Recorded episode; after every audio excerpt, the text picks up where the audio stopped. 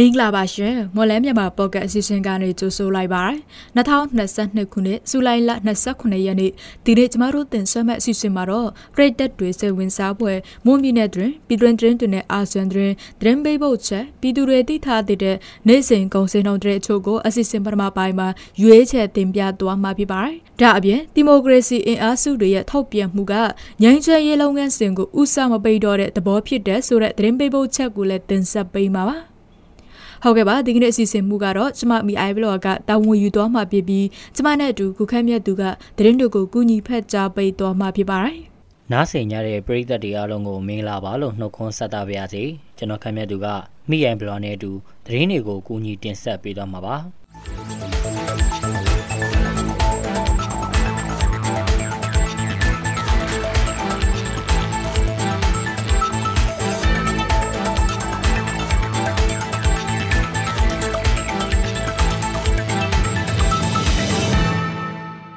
ပေါင်မြို့နယ်အတွင်းမနေ့ကည10:00နာရီအချိန်မှာတထောင်တန်ငွေဆက်ကူအသူတွေဖမ်းဆီးရခဲ့မိတယ်လို့သိရပါဗျ။ပေါင်မြို့ကဒါရက်ကွက်မြို့သစ်ပိုင်းလမ်းဘေးကမောင်ရွှေခတနတ်စု30နှစ်ဆိုသူမှာငွေဆက်ကူအသူတွေတောင်းဆွဲနေကြောင်းသတင်းအရတက်ဆိုင်ရာက၎င်းနေအိမ်ချမ်းဝင်းကိုဝေရောက်ရှာဖွေခဲ့တယ်လို့သိရပါဗျ။ရှာဖွေစစ်ဆေးရာမှာနေအိမ်အရှိရဲ့ခရီးပင်အရင်မှာ ကြွကြွအိတ်အမဲရောင်နဲ့ထောက်ပို့ထားတဲ့တထောင်ကျပ်တန်ငွေဆက်ကူအတူ84ရွက်ကိုတင်စီရမိခဲ့တာပါအဲ့ဒီနောက်၎င်းနေအိမ်ချန်ဝင်းနဲ့ကက်လျက်မှနေထိုင်တဲ့မောင်ရွှေခတနတ်စုရဲ့ညီမဖြစ်သူမလှလှရီခတာကေစု23နှစ်ထံမှတထောင်ကျပ်တန်ငွေဆက်ကူအတူ6ရွက်ထပ်မံတင်စီရမိခဲ့တယ်လို့သိရပါတယ်မောင်ရွှေခတနတ်စုနဲ့မလှလှရီခတာကေစုတို့နှစ်ဦးကိုဘောင်မြို့မှ Yes ကန်ကမြန်မာနိုင်ငံတော်ဗဟိုဘဏ်ဥပဒေပုံမှန်တွေအရအမှုဖွင့်အရေးယူထားတယ်လို့လို့သိရပါတယ်။အလားတူပြီးခဲ့တဲ့ဆွန်လာကလည်းတထုံမြို့နယ်အောက်ကျင်းရက်ကွက်နဲ့တုတ်တမဝတီမြို့သစ်ဂွားရက်ကွက်မှာငွေဆက်ကူအတူပြုလုပ်သူလေးဦးကိုလည်းဖမ်းဆီးရမိခဲ့ပါသေးတယ်။မွန်ပြည်နယ်ကြိုင်မရောမြို့နယ်တောင်ကလေးကြီးရွာမှာဒီကနေ့မနက်9နာရီခန့်ကဘုံနှစ်ကြိမ်ပောက်ကွဲမှုဖြစ်ပွားခဲ့တယ်လို့ဒေသခံတို့ကပြောပါရယ်။တောင်ကလေးကြီးရွာဘုံတော်ကြီးကျောင်းရှိမှာ Max တက်ထားပြီးဆိုင်ကယ်စီးလာတဲ့အမည်မသိအမျိုးသားနှစ်ဦးကဖောက်ခွဲခဲ့တာဖြစ်ကြောင်းအဲဒီနောက်ကျေးရွာမီလင်းရေးကော်မတီဖြစ်သူကိုဘဲရဲ့နေအိမ်ရှိမှာတနက်နှစ်ချက် ထပ်မံပြက်ဖောက်သွားတယ်လို့သိရပါဗျ။အဲ့လိုပဲကြိုင်မရောမြို့နယ်ကန်နာကိုနှုံရင်ဘုံကြီးကျောင်းရှိမှာဒီကနေ့မနက်6နာရီကျော်ကဒုတိယကြိမ်ဘုံထပ်မံပောက်ကွဲမှုဖြစ်ပွားခဲ့ပါတယ်။ပြီးခဲ့တဲ့နှစ်ရက်ကလည်းတောင်ကလေးကျေးရွာမီလင်းရေးကော်မတီတို့စီးလာတဲ့ဟိုက်ဂျက်ကားကိုအမည်မသိအမျိုးသားနှစ်ဦးကလက်ပစ်ဘုံနဲ့ပစ်ပေါက်ခဲ့တဲ့ဖြစ်စဉ်တွေလည်းရှိခဲ့ပါတယ်။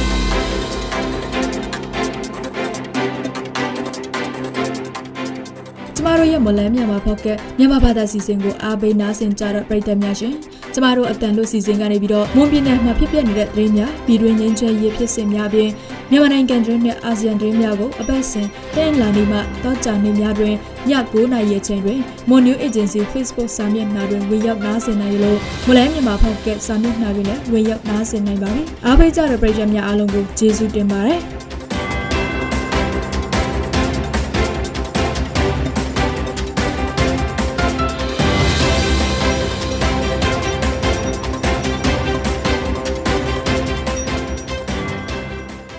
ဇော်ရီကတဘာဝတက်ငွေပိုက်လိုင်းအပါအဝင်တွေ့တန်းထားတဲ့မဟာဓာတ်အားလိုင်းတွေဖောက်ခွဲပျက်စီးခံရတာကြောင့်ဓာတ်အားဘေးပုတ်မှုရော့ကျနေတယ်လို့နာဇက်ကလျှက်စစ်စွမ်းအားဝန်ကြီးဌာနကထုတ်ပြန်ပါတယ် မဟာဓာတ်အားလိုင်းတွေနဲ့တဘာဝတက်ငွေပိုက်လိုင်းတွေဖောက်ကွဲခံခဲ့ရတဲ့အတွက်တနိုင်ငံလုံးဓာတ်အားထုတ်လုပ်မှုဟာ1120မီဂါဝတ်ခက်ရော့နေလျက်ရှိတယ်လို့လျှက်စစ်စွမ်းအားဝန်ကြီးဌာနကဆိုပါတယ်။ပြီးခဲ့တဲ့ဇူလိုင်လ23ရက်နေ့မှာဇော်ရီကတက်ငွေပိုက်လိုင်းကို PDF တွေကမိုင်းနဲ့ဖောက်ကွဲပျက်စီးခဲ့တယ်လို့ထုတ်ပြန်ထားပေမဲ့ဘယ်အဖွဲ့အစည်းကလုပ်တယ်ဆိုတာကိုတိကျအတိမပြုနိုင်သေးပါဘူး။ဒါအပြင်အထက်ပိုင်း တက်အားစနစ်အတွင်းရှိ132 kV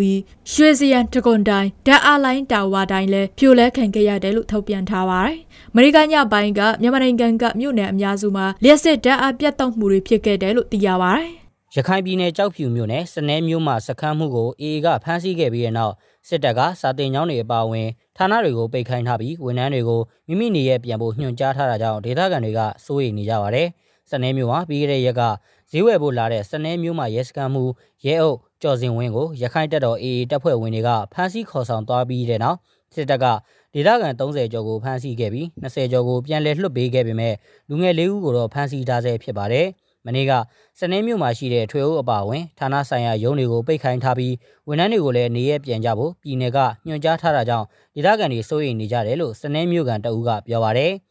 စနေမြို့ပေါ်မှာစခန်းမှုဖမ်းဆီးခံရတဲ့နေ့ကလူသားလူလာများတဲ့လမ်းတွေပေါ်မှာစစ်တပ်ကပိတ်ဆို့ပြီးဖမ်းဆီးစစ်ဆေးတာတွေရှိခဲ့ပါတယ်လက်ရှိအချိန်မှာတော့ပိတ်ဆို့ဖမ်းဆီးတာတွေမရှိတော့ဘဲစနေမြို့ရဲစခန်းသာစခန်းချနေထိုင်ကြတဲ့အတွက်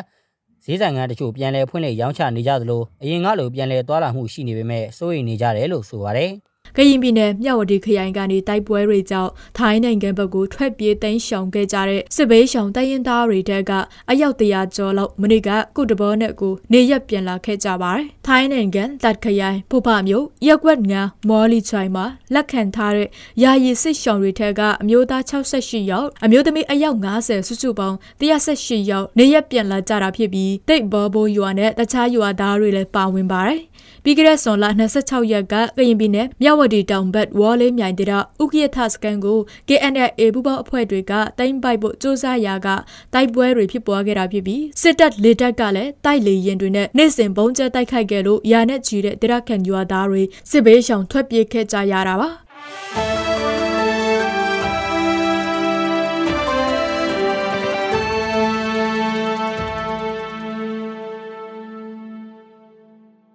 ဟုတ်ကဲ့ပါဆက်လက်ပြီးတော့ပြည်သူတွေသိထားတဲ့နေ့စဉ်ကောင်စင်တော်တွေအချို့ကိုမရမြိုင်ကောင်စီတိုင်းကအချက်လက်တွေကိုအခြေခံပြီးကျမကတင်ဆက်ပေးပါဦးမယ်ဒီကနေ့ထိုင်းနဲ့မြန်မာငွေလဲနှုန်းကတော့ထိုင်းဘတ်69ဝယ်ဈေးရှိပြီးတော့ရောင်းဈေးက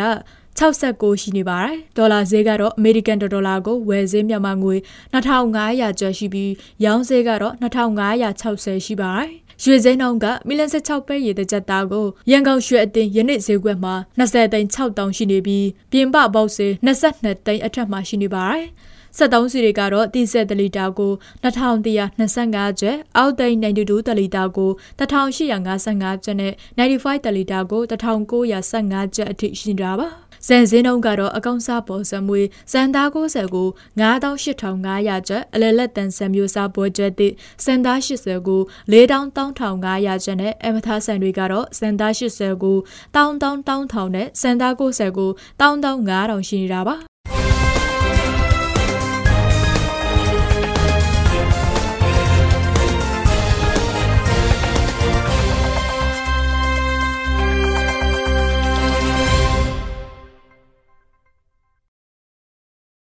အခုတင်ဆက်ပေးသွားတာကစုလိုက်လ29ရက်နေ့မှာဖြစ်ပျက်ခဲ့တဲ့မွန်ပြည်နယ်တွင်ပြည်တွင်းတွင်တွေနဲ့အာဇန်တွင်တွေပြင်တနိတာစီစေးငွေစေးနဲ့ကောင်စင်းတုံးတွေကိုတင်ဆက်ပေးသွားခဲ့တာဖြစ်ပါတယ်။ဆက်လက်ပြီးတော့ဒီမိုကရေစီအင်အားစုတွေရဲ့ထောက်ပြန်မှုကငြိမ်းချမ်းရေးလုပ်ငန်းစဉ်ကိုဦးစားမပေးတော့တဲ့သဘောဖြစ်တဲ့ဆိုတဲ့သတင်းပေးပို့ချက်ကိုဒေါ်ဒါကတင်ဆက်ပေးပါမယ်ရှင်။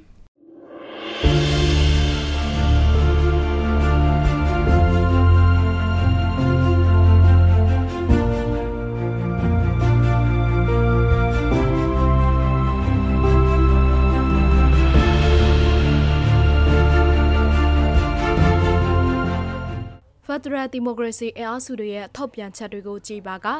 ငင်းချရေးလုပ်ငန်းစဉ်ကိုဦးစားမပေးတော့ဘူးဆိုတဲ့သဘောဖြစ်နေကြောင်းတိုင်းရင်းသားခေါင်းဆောင်သူဦးဖြစ်သူဗိုလ်မှူးကြီးခွန်အောက်ကကပြောပါတယ်။ဖက်ဒရယ်ဒီမိုကရေစီအင်အားစုတွေရဲ့မနေ့ကထုတ်ပြန်ချက်မှာတော့ကိုချင်းမေကိုဖြိုးစေရသောကိုလှမျိုးအောင်နဲ့ကိုအောင်တွေ့ရစော်တို့ကိုပြစ်ဒဏ်စီရင်မှုဟာ ပြဋ္ဌာန်းထားတဲ့ဥပဒေတွေလောက်ထုံလုံနည်းနဲ့ညီညွတ်မှုမရှိကြောင်းအဲ့ဒီအတွက်ကြောင့်နောက်ဆက်ကကောင်စီရဲ့သဘောထားအမှန်ကိုနားလည်သဘောပေါက်သိကြောင်းဖော်ပြထားပါတယ်။ဒီ entry လက်မှတ်ထိုးရတဲ့အဖွဲ့တွေကအဲ့ဒီမှာပါနေတဲ့ခါကျတော့ဒီအဖွဲ့တွေကဒီနည်းနည်းလုပ်ငန်းစဉ်မှာတော့ဟိုပါဘောရသူတို့ဟိုအဓိကဥစားမပေးတော့ဘူးတဲ့သဘောတော့ပြတာ။နော်တခြားသောမိလားနေ ဥပမာဆိုတော့နိုင်ငံရေးပြဿနာနိုင်ငံရေးနဲ့ရှင်းဖို့ဆိုတဲ့နည်းလမ်းတွေကိုမစဉ်းစားတော့ဘူးဆိုတဲ့သဘောမျိုးတော့ဖြစ်သွားတာပေါ့။ကျနော်တို့ကတော့မှန်းလို့မရဘူး။ဒါပေမဲ့သူတို့ကြေညာတဲ့အထဲမှာ NCA လက်မှတ်ထိုးထားတဲ့အဖွဲ့တွေပါတယ်ဗျ။လက်ရှိကျနော်တို့ KNU, CNF နဲ့နောက်ပြီးတော့ကျောင်းသားပေါ့ဗျာ။အဲဒါတွေတော့ပါတော့ဒါကတော့ကျနော်တို့ စာချုပ်စာတမ်းကိစ္စမှာတော့နည်းနည်းညှိတာပေါ့။သို့သော်လည်းပဲအဲဒီလိုပူးပေါင်းရပ်တည်ထားတဲ့ဟာကတကွဲတပြားလုပ်တာထက်တော့ကောင်းတယ်။သို့သော်နိုင်ငံတကာကအဲ့ဒီပွဲမှာဘယ်လောက်အားဖြည့်မလဲဆိုတာတော့မိကုန်းကအဲ့ဒီမှာရှိတာပေါ့ဗျာနိုင်ငံတကာပါဝင်အားဖြည့်တာနည်းရင်တော့ဟိုအကြီးရကြောင်းကြောင်းလဲမှာတော့မဟုတ်ဘူးလို့ကျွန်တော်ထင်တယ် နိုင်ငံရေးပါတီတွေတော်လှန်ရေးအေအားစုတွေနဲ့ပြည်သွင်းပြည်ပမှာရှိတဲ့ပြည်ထောင်စုဘွားအားလုံးနှက်စကကောင်စီကိုမိမိတို့နဲ့ပူးပေါင်းပြီးတော်လှန်ကြဖို့ Federal Democracy အေအားစုတွေကတောင်းဆိုခဲ့ပါတယ်။အဆိုပါ Federal Democracy အေအားစုမှာတော့မြို့သားညီညွတ်ရေးအစိုးရ NUG ပြည်ထောင်စုလွှတ်တော်ကိုစားပြုကော်မတီ CRPH ကရမျိုးသားစီအောင် KNU ကရနီအမျိုးသားတိုးတက်ရေးပါတီ KNPB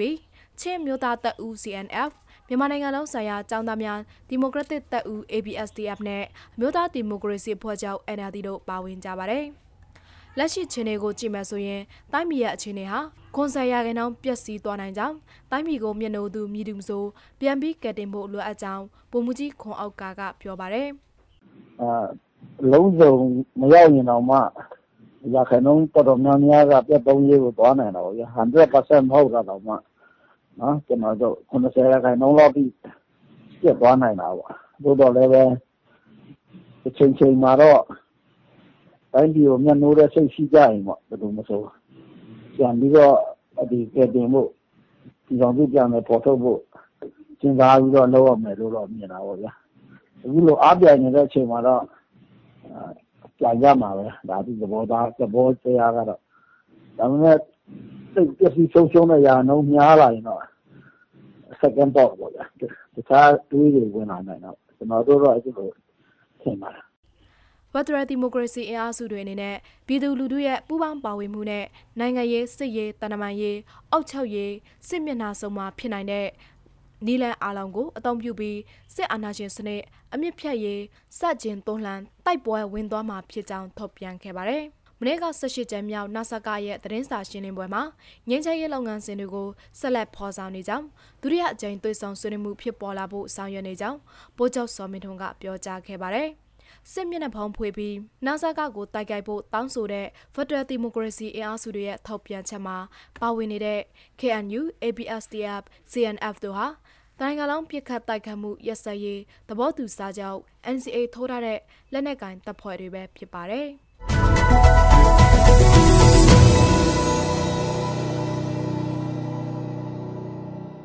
ကျွန်တော်တို့ရဲ့မွန်လန်းမြန်မာပေါ့ကတ်စီစဉ်ဒီမှာရင်ပြီးဆုံးပါပြီ။နားဆင်ကြတဲ့ပရိသတ်တွေအားလုံးကိုနောက်နေ့အစီအစဉ်တွေမှာဆက်လက်အားပေးကြပါအောင်လို့ဖိတ်ခေါ်ရင်းအစီအစဉ်ကိုအဆုံးသတ်ပါရစေ။အားလုံးကိုကျေးဇူးတင်ပါတယ်ခင်ဗျာ။